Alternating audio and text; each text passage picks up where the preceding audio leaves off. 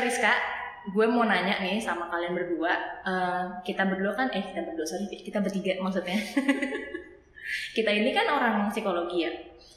Kalian tuh pernah nggak sih mendengar orang yang bukan orang psikologi, tapi langsung mengklaim diri dia atau mendiagnosis diri mereka itu adalah gue bipolar atau gue stres, gue gila, apa pun you name it lah. Atau mungkin masalah kesehatan lain kayak gue covid misalnya atau gue flu burung misalnya kayak gitu. Pernah dengar nggak kayak gitu? Pernah? Sering sih. Sering sih Sering. makanya. sering ya sering ya.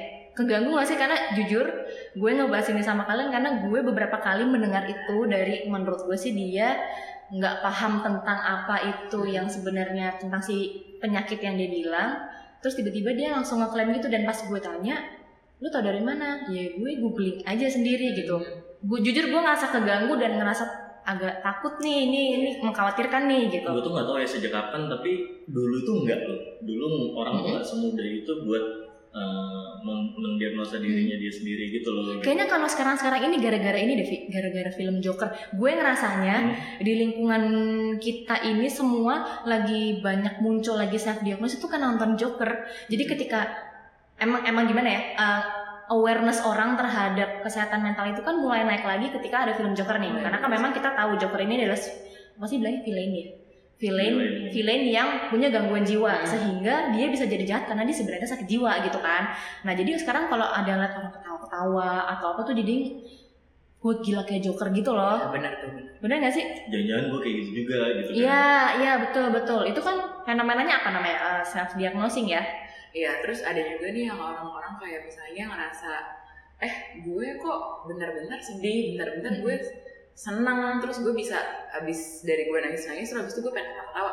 Itu biasanya terus orang langsung cari tahu, ini gue kenapa sih? Terus langsung bisa bilang dirinya, gue kayak depresi berat nih, misalnya kayak Oh, gitu. seringnya deh tau dibilangnya bipolar kayak artis itu yang dulu Hmm. joget-joget itu loh. Dulu kan pernah ada tuh yang sempet uh, happening juga tuh ya, sempet dibahas lah di mana-mana. Terus dia dia mengatakan bahwa dirinya itu bipolar lah gitu. Terus emang sekarang jadi banyak sih ya orang-orang Iya, iya, yang iya. nge-step bahwa dirinya tuh bipolar gitu. Hanya dari eh, state-nya dia yang eh, mudah senang dan mudah sedih. gitu. Yes, betul. Oke oke. Berarti sebenarnya bisa dikatakan eh, fenomena atau kejadian self diagnosing ini adalah eh, mendiagnosa keadaan diri kita eh, berdasarkan analisa sendiri ya, analisa mandiri yang dilakukan oleh diri kita sendiri tanpa bertemu dengan profesional gitu ya. Betul. Bisa jadi sebenarnya prosesnya mungkin mereka sudah identifikasi dulu ya. Maksudnya mereka mencari tahu, eh gue ciri-cirinya kayak gini kayak gini terus cari tahunya. Sayangnya cari tahunya tuh hanya lewat Internet media yang ada, misalnya googling atau tanpa konfirmasi ya. Mm-mm, tapi dia nggak datang ke ahli, nggak datang ke psikolog misalnya kayak gitu sih. Sebenarnya berarti kalau ini terus dilanjutkan dan orang-orang tidak teredukasi self diagnose itu bahayanya apa? Itu dampaknya apa kira-kira menurut kalian? Iya sih. Karena gini sih, eh, kalau kita bicara dampak, dampaknya itu bisa apa aja. Karena kita masih belum tahu nih arahnya arahnya mau ke mana. Eh, jadi pertama eh, kita tuh harus bisa bedain dulu.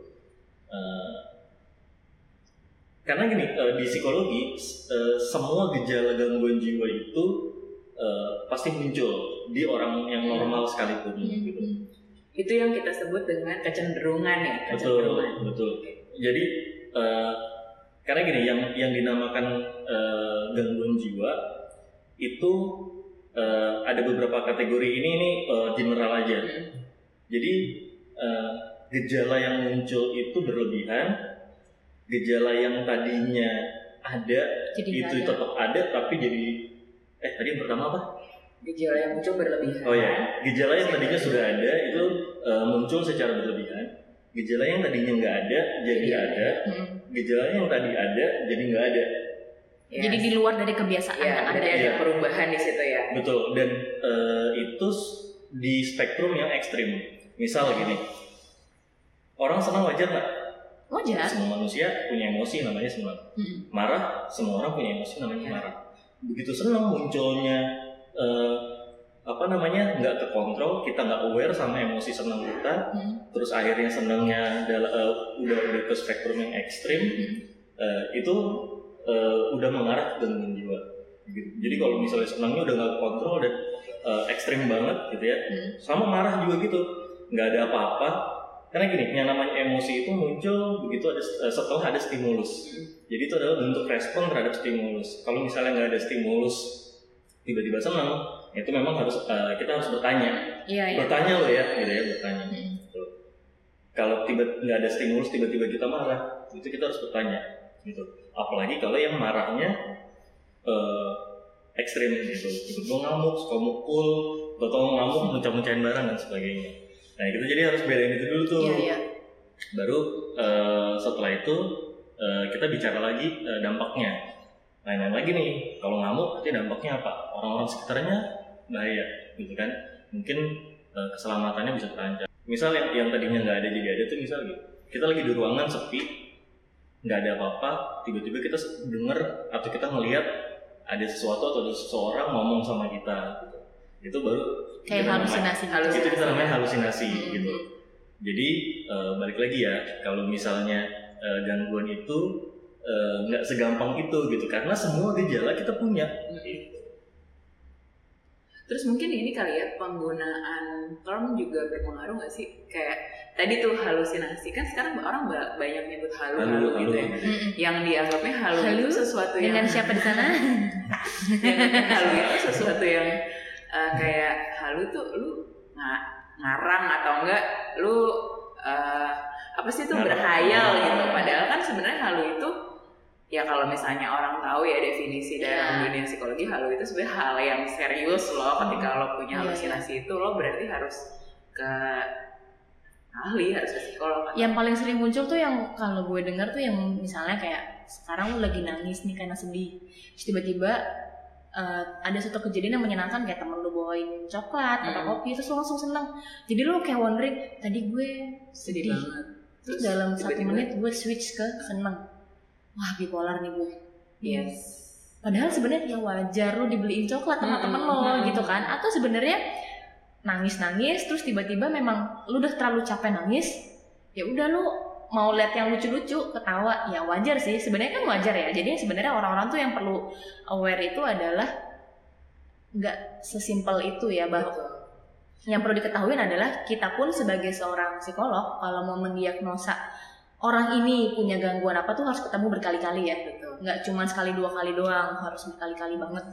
Dan nggak ya tadi yang Vio bilang udah eh, apa bener tuh. Terus ada juga kan kita juga harus lihat durasinya ya ketika Oh, iya. seseorang itu Hmm. mengalami gejala-gejala tadi apakah itu misalnya cuma sekali doang dalam seumur hidupnya dia? Atau oh ternyata dalam sebulan ya udah dilihat oh itu muncul terus muncul terus oh berarti kita Hmm. bisa identify Kayak depresi ya. depresi itu kan muncul terus kalau dalam enam bulan ya kalau nggak salah ya Hmm. enam bulan berturut-turut itu uh, episodenya tidak hilang juga gitu ya cuma kalau emang kita kita stresnya karena suatu kejadian misalnya dipecat karena lagi kondisi ekonominya Hmm. lagi jelek terus jadi stres ya wajar sih. Justru ketika kita dipecat terus kita ketawa-tawa itu yang malah aneh Itu gitu kan. aneh. tapi kalau cuma stres sebulan dua bulan sih kayaknya masih wajar ya. Kayak putus cinta juga kayak gitu Ya, kan. itu- jadi itu- ada durasinya ya. ada proses lah. Maksudnya kayak kita pun nggak bisa menentukan nih orang. Eh, misalnya kayak tadi ada putus cinta atau ada anggota keluarga yang meninggal. Kita juga nggak bisa bilang dia depresi dalam waktu saat itu aja kan. Kita harus diagnosa lagi. Harus identifikasi lagi. Eh, Vio sama Rizka udah menjabarkan beberapa ciri-ciri eh, kalau memang orang punya gangguan mental itu seperti apa gitu. Hmm. baik dari durasinya terus dari apa ya kemunculannya yang ada nggak ada atau yang tadinya nggak ada jadi ada dan sebaliknya lah gitu ya. Itu kan udah ada ciri-cirinya. Terus kira-kira sekarang berarti kalau kita masuk ke bahayanya self diagnosis itu apa? Bahaya. Kalau tidak dihentikan atau mungkin terus terjadi gitu jadi mis ini kali ya misintervensi kok kayak ini kali ya? Bahayanya jadi misintervensi sih.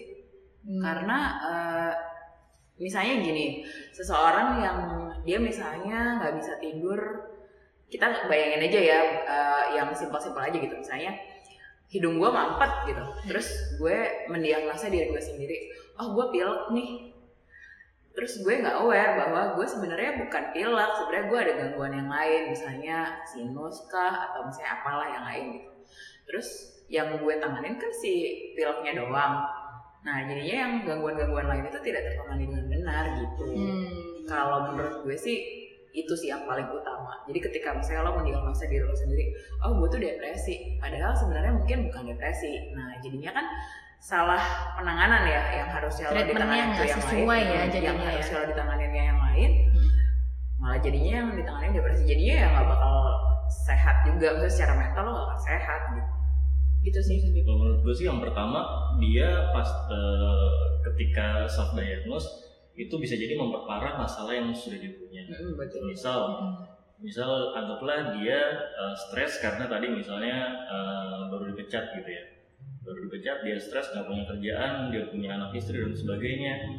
Terus eh, karena stres nafsu makannya jadi hilang, terus dia jadi nggak mau ketemu sama ya. orang, malu Iya, ketemu sama keluarga dan sebagainya. Hmm. Terus eh, otomatis di rumah megang HP terus ngecek ngecek gue kenapa ya gue kenapa ya ternyata eh, muncullah gejala eh, depresi gitu kan oh gue depresi yang tadinya dia nggak depresi dia jadi depresi beneran dia menginternalisasi tuh ya oh gue tuh Iya, depresi wah tuh gue depresi dia baca tuh kalau depresi orang bisa gimana nih wah Hmm. ntar gue bakal kayak gini gini gini oh depresi itu bunuh diri eh gue harus bunuh diri malah gitu lagi iya Mm-mm. takutnya gitu Jadi kan. sebenarnya malah memunculkan sesuatu yang sebenarnya masih normal jadi nggak normal atau Yes. yang tadinya nggak ada jadi nggak ada.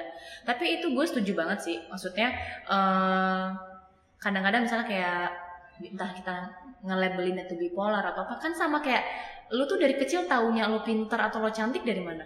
Mungkin kan karena orang tua kita ngomong, aduh anak mama cantik, aduh anak mama pinter gitu kan. Kita sudah diberi label oleh orang tua kita atau orang terdekat kita bahwa kita cantik, kita pintar Hmm. selain memang ada buktinya misalnya dari nilai gitu kan cuman eh, itu kan udah nempel di diri kita terus sekarang kalau tiba-tiba kita melabelkan diri kita secara terus menerus dan kita tidak tahu batasannya apa jadi bisa kepikiran gitu ya Hmm. bahwa wah gue depresi nih.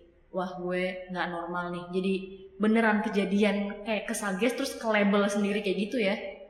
Itu bahaya Iya sih ih kok bareng sih? Enak banget sih ya itu lanjut. ke diri sendiri. Eh, jangan lupa bahwa eh, kita ini hidup di sekitar eh, orang-orang terdekat kita. Hmm. kita hidup di sekitar keluarga kita dan teman-teman kita. Apalagi yang masih kerja mungkin hidup di eh, sama partner kerjanya.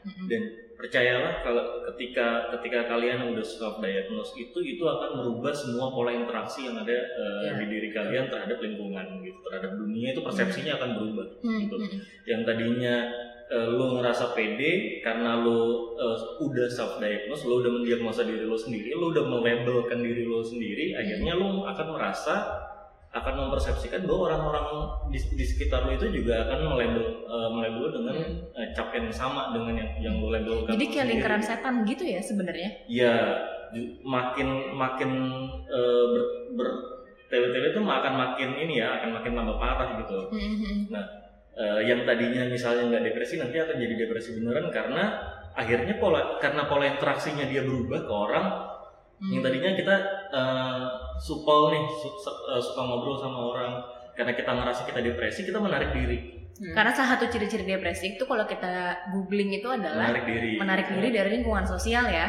orang lain yang biasanya suka ngobrol sama kita begitu ngelihat begitu dia mau ngajak kita ngobrol Hmm. terus kita ngelihat kitanya menarik diri dia kan akan lihat oh mungkin dia lagi nggak mau diajak ngobrol. Iya. akhirnya dia ngejauh juga. Akhirnya eh, kitanya ngelihat oh tuh kan benar dia ngejauh. Akhirnya terkonfirmasilah yang eh, gue tuh tidak bahwa gue itu emang eh, depresi terus eh, orang nggak orang tuh emang ngecap gue jelek loh Hmm, kayak gitu. Iya. gitu yang tadinya padahal sebenarnya mungkin enggak Hmm. akhirnya yang dia takutkan jadi kenyataan gitu. Karena pola interaksinya dia berubah.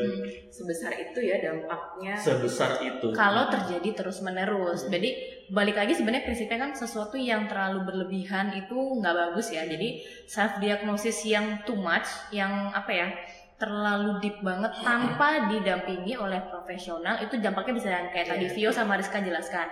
Tapi juga kalau terlalu nggak pengen ngediagnos diri sendiri sampai jadinya nggak awareness, eh tidak ada awareness itu juga menurut gua kan bahaya ya. bahaya. Jadi sebenarnya kita harus bisa menempatkan di posisi yang tepat gitu ya. Jadi di tengah-tengah lah karena sebenarnya sesuatu yang kurang banget atau yang lebih banget tuh emang nggak ada nggak akan ada yang bagus sih ya Iya sebenarnya ya, ya benar benar yang dibilang Neris. Maksudnya simpel aja sih. Ketika awareness terhadap kesehatan mental itu semakin meningkat kan itu sebenarnya positif ya. iya Positif di mana ketika orang tuh ngerasa kok gue eh, sering banget berubah mood ya gitu. Kok gue Hmm. gampang banget ya berubah mood.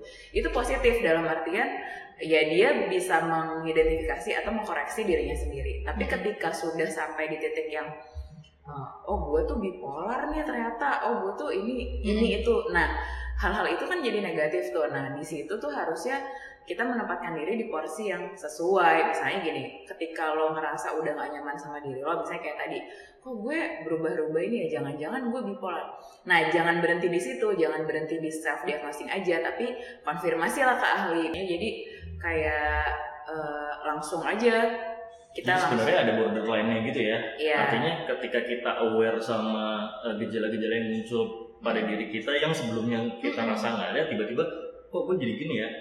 Biasanya gue nggak kayak gini, karena kenapa sekarang gue gini ya? Artinya uh, sampai ke titik awareness itu itu sebenarnya positif gitu ya. Betul.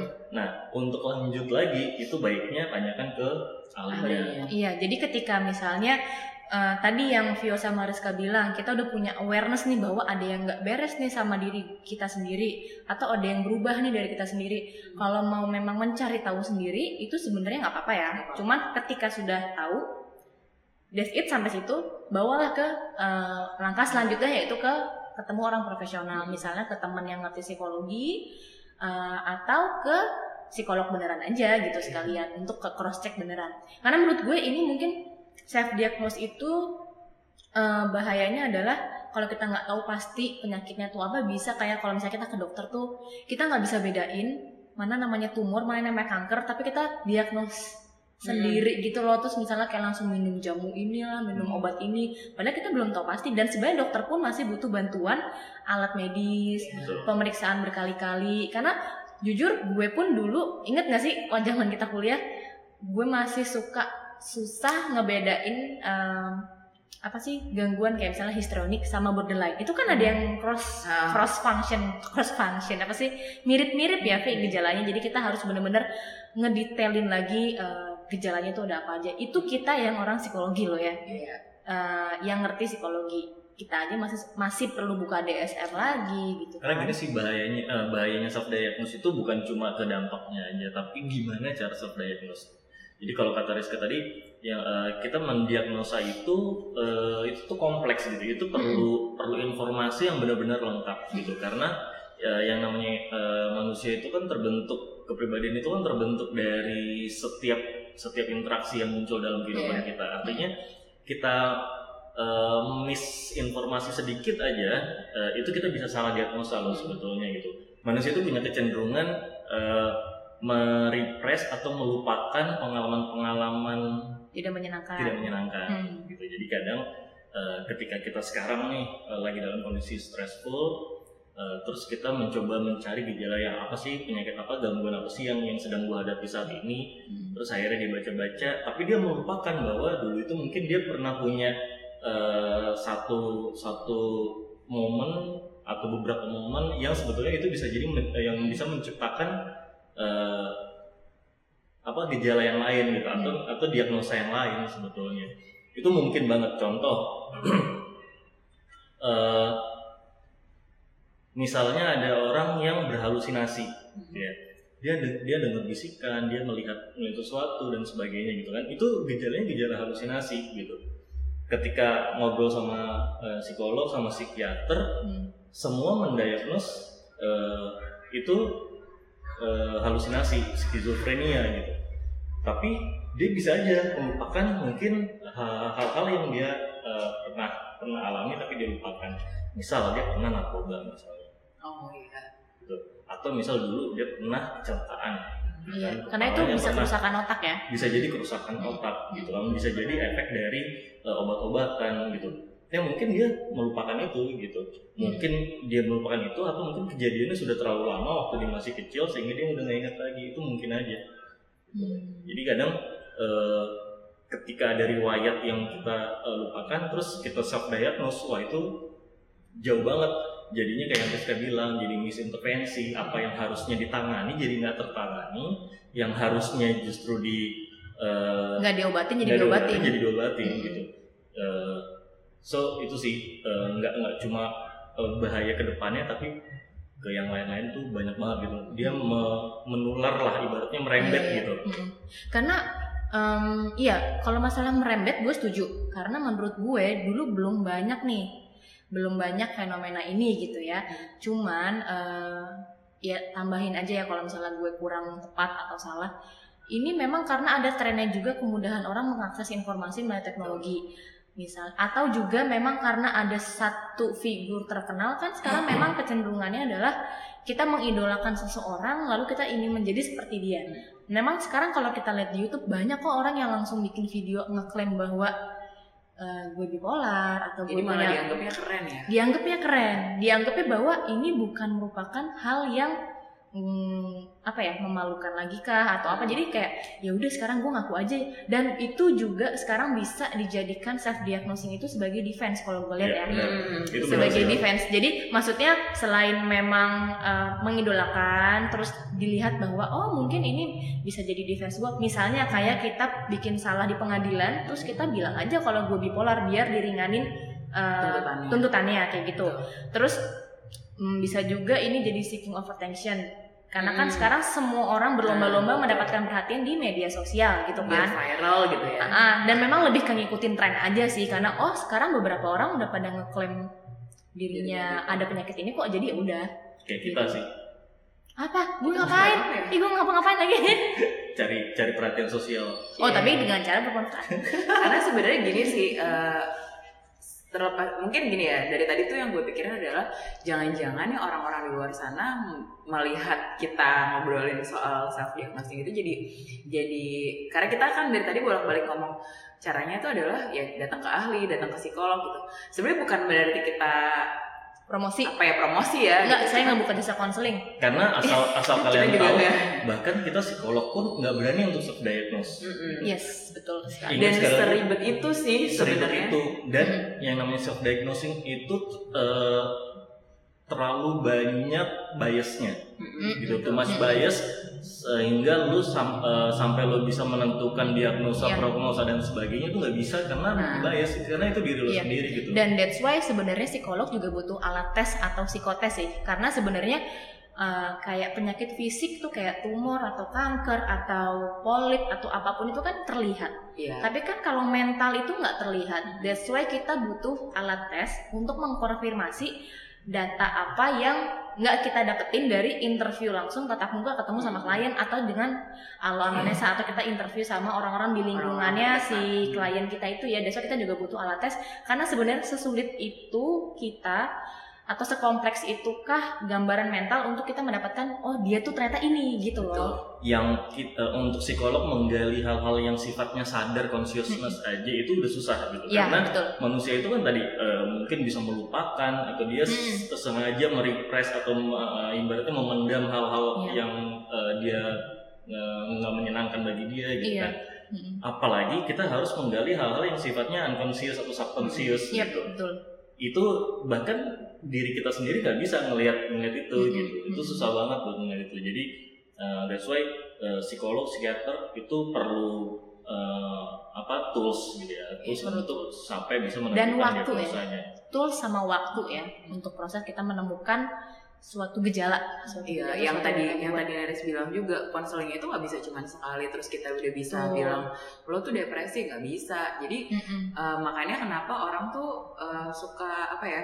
Ma- mungkin males kali ya ke psikolog karena harus berkali-kali, harus Iya. nanti harus ada anggota keluarga yang Karena memang menghabiskan gitu. energi ya. Hmm. Tapi ya gimana kan kalau misalnya lo mau tahu beneran diri lo sendiri itu kayak apa, Ya. mau tahu lo tuh beneran gangguan apa enggak, ya emang harus lakuin itu. Hmm. Ya maksudnya gini, biar aja yang ribet tuh psikolognya, dia yang mikirin lo tuh sebenarnya Kan kenapa sih? Tugasnya sebenarnya cuma menumpahkan aja. Ya, gitu tugas lo tuh sebenarnya makanya kalau misalnya kadang-kadang gue juga suka ini sih orang kalau misalnya ngomong psikolog tuh cuma dengerin curhat doang ya.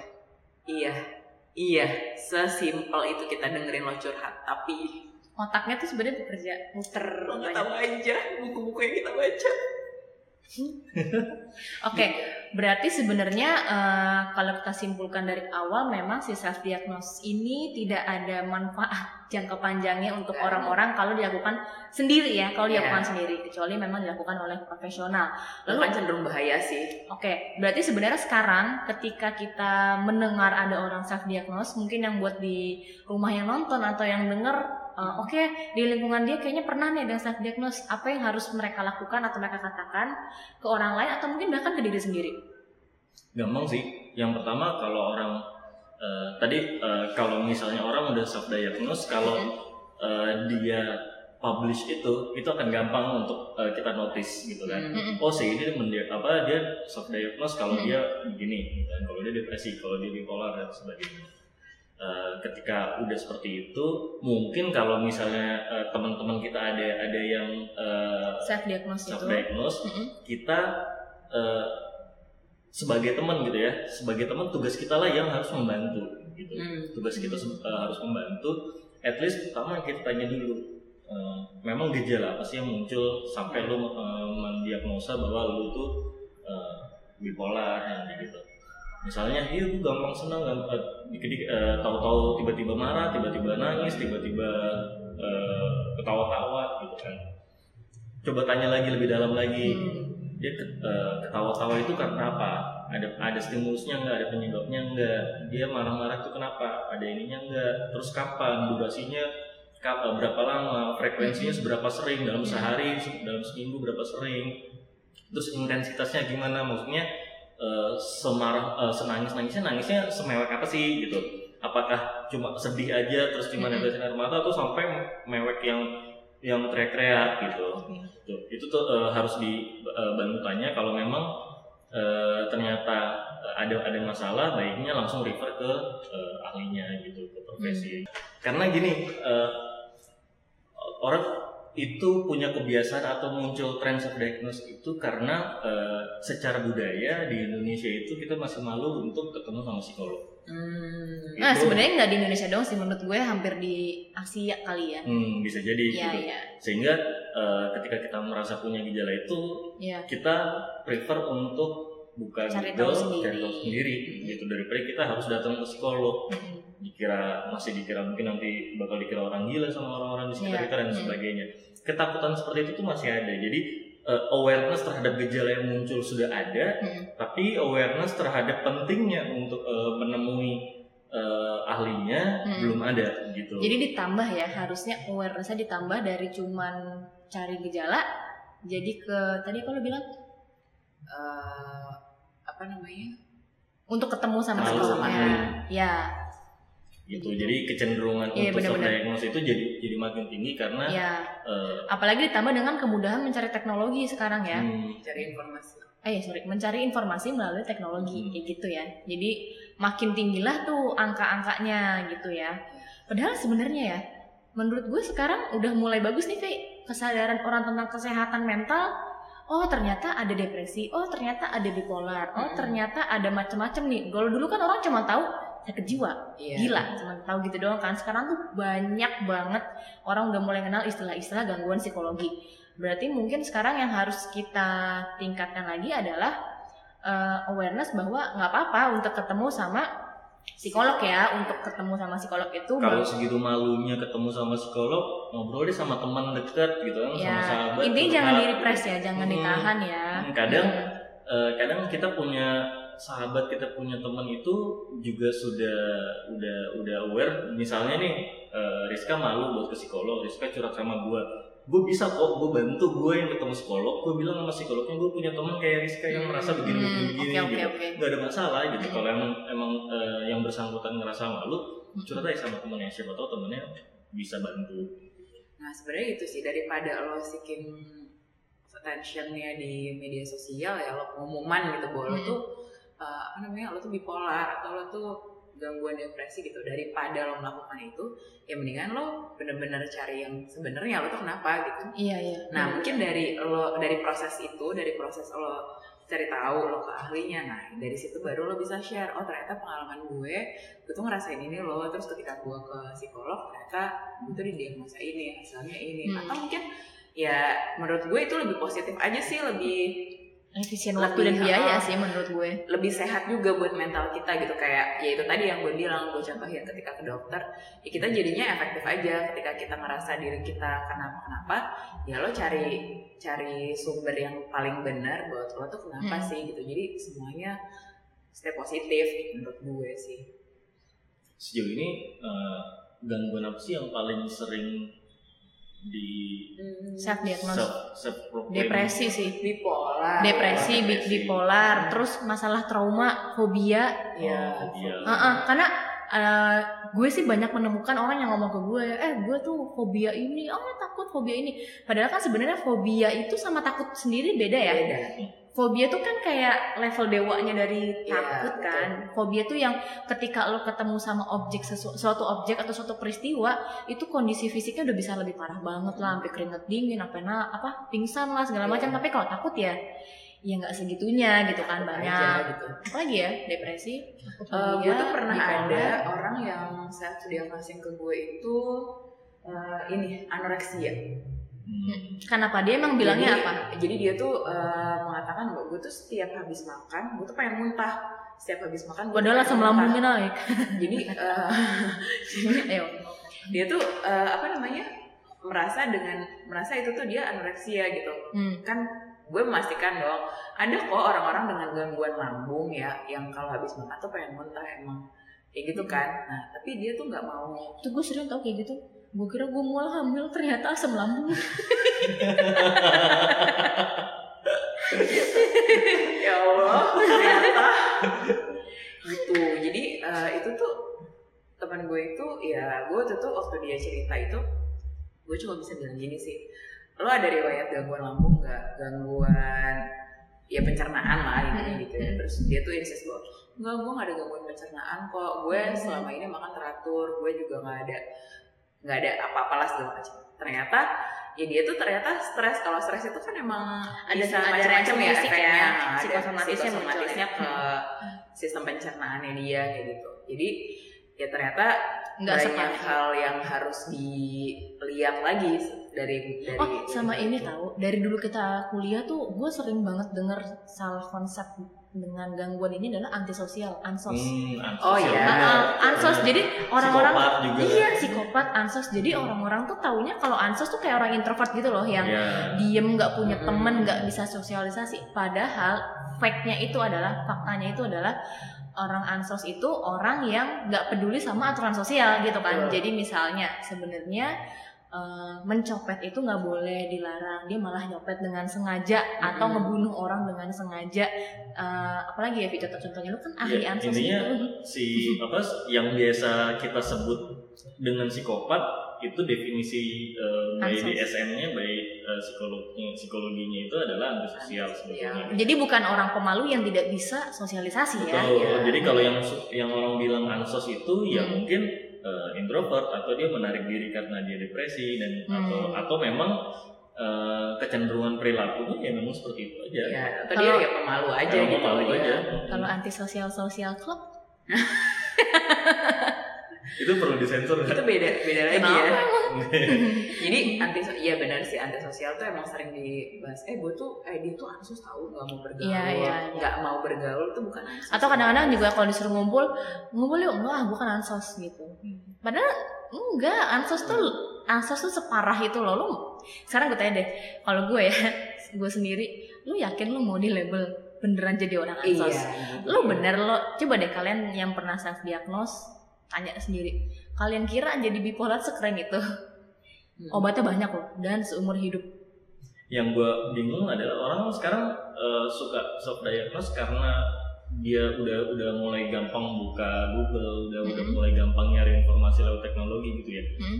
Kenapa nggak dibenerin gitu? Eh, yang yang mispersepsi kayak ansos, psikopat, Iya, gitu, iya. gitu, kenapa nggak dibenerin gitu? Coba deh eh, cari Iya, di iya. Google apa itu antisocial disorder misalnya gitu. iya betul jangan cuma sekelumit sekelumit doang ya maksudnya Hmm. ngambil dari Soalnya gini loh, Vi, kalau menurut gue kenapa nggak kayak gitu? Karena sebenarnya orang tuh cenderung hanya mencari data apa yang dia cari, Mm-mm. apa yang dia mau tahu apa yang dia mau tahu. Jadi misalnya uh, bipolar itu kan tentang uh, gangguan mood ya, gangguan mood. Jadi ketika moodnya tuh switchingnya terlalu cepat misalnya, orang kan taunya kayak gitu. Jadi ya ketika dia wondering kenapa ya mood gue sering uh, ganti-ganti cepat dalam waktu yang berdekatan, dia langsung cari, baru sampai ciri-ciri, misalnya kan di DSM tuh ciri-ciri bipolar tuh ada 10 Hmm. baru nyampe titik ketiga, nah ini gue nih di close tuh oh handphonenya. iya. Jadi Jadi kayak serba instan ya Hmm. maunya gampang. tapi sebenarnya menurut gue ini fakta menarik yang bisa kita kaitkan dengan karakter di generasi milenial sekarang kan. Karena memang eh, generasi sekarang itu kalau dibanding baby boomers yang dulu memang eh, apa ya craving for informationnya itu lebih tinggi ya. Jadi keingintahuan dia terhadap informasi lebih banyak dan harus dipenuhi saat itu juga. Mm-mm, Jadi betul. menggunakanlah tuh dia teknologi yang googling tuh Yang cepet, paling gampang yang paling gampang, paling mudah. Ya udah tuh terjadilah self diagnosnya makin banyak terjadi. Oke, gitu guys. berarti kalau kita simpulkan tentang self diagnose, self diagnose sendiri itu adalah kondisi di mana kita eh, mendiagnosa kondisi mental kita atau fisik kita secara mandiri tanpa bantuan profesional. Oke, terus dampaknya ternyata bahaya ya kalau yang tanpa dasar dan tanpa dasar, tanpa dasar yang jelas, yang akurat gitu ya. Nah, self diagnose sendiri itu ternyata kalau dilanjutkan terus-menerus punya dampak negatif ya. Dampak negatifnya tadi kalau kata Rizka sama Vio ada misdiagnosis, jadinya salah mendiagnos suatu penyakit yang nanti bisa berdampak pada mistreatmentnya. Jadi treatmentnya itu tidak sesuai dan tidak tepat sasaran terhadap gangguan yang ada. Terus nanti kalau dari Vio bilang adalah ehm, itu akan makin memperumit masalah yang kita punya. Jadi bukan yang nyelesain masalah, tapi malah nambah masalah. Misalnya kita yang tadinya sebenarnya nggak stres itu jadi makin stres, terus kita yang tadinya tuh nggak apa ya suka interaksi sosial jadi malah makin menarik diri kita dari lingkungan kayak gitu ya. Dan juga ini bisa terjadi karena rasa ingin tahu kita yang tinggi tapi tidak dibarengi dengan uh, keberanian kita untuk ketemu sama psikolog. Karena memang di Indonesia atau di uh, bagian timur di dunia ini memang masih kayak tabu ya untuk ketemu sama psikolog. Jadi uh, muncullah fenomena self diagnose ini. Gitu ya kesimpulannya ya. Dan kesimpulannya kalau ada yang self diagnose di antara teman-teman kalian silahkan bantu mereka untuk nge-breakdown masalahnya. Apakah memang benar mereka itu punya gangguan itu? Dengarkan mereka cari tahu lebih lanjut lagi tentang uh, masalah yang mereka punya supaya memang kalau dia butuh bantuan profesional kita bisa membantu mereka untuk mereferkan atau mungkin kalau mereka nggak berani kalian aja yang uh, menanyakan masalah teman karena itu sebenarnya nggak apa-apa itu boleh juga kok nah mungkin buat kalian yang uh, punya pengalaman men-self diagnose Atau uh, ada temennya. atau ada temennya nggak apa-apa mungkin kita bisa sharing di kolom komen atau mungkin kalian yang nggak berani untuk ketemu sama psikolog nggak Mhm. berani datang mungkin bisa ngubungin uh, salah satu di antara kita bertiga juga kita ngobrol bareng psikolog karena memang menurut menurut gue untuk ketemu sama orang yang nggak kenal sama sekali itu malah bagus ya malah netral lebih objektif Gitu. dan abis itu kan kita ketemu cuman buat hal itu aja ya jadi ya udah nggak akan kepengaruh ke hidup Nggak kita juga gitu Iya, nggak ada dan nggak ada penilaian sih di awalnya. Pasti kan di awal maupun akhir tuh nggak ada penilaian. Hmm. Lo tuh gimana gimana. Oh ya dan disclaimer aja kita membahas ini lebih karena uh, kita cukup prihatin sih dengan adanya uh, fenomena self diagnose ini karena ini cukup membahayakan diri kita dan juga diri orang lain. Jadi ini untuk meningkatkan awareness kita semua bahwa nggak baik untuk mendiagnosi, mendiagnosis eh, apa yang terjadi di diri kita tanpa ilmu yang akurat dan juga bantuan profesional. Jadi jangan takut ketemu atau ngobrol dengan psikolog. Gue udah gini loh, kalian jangan kaku dong.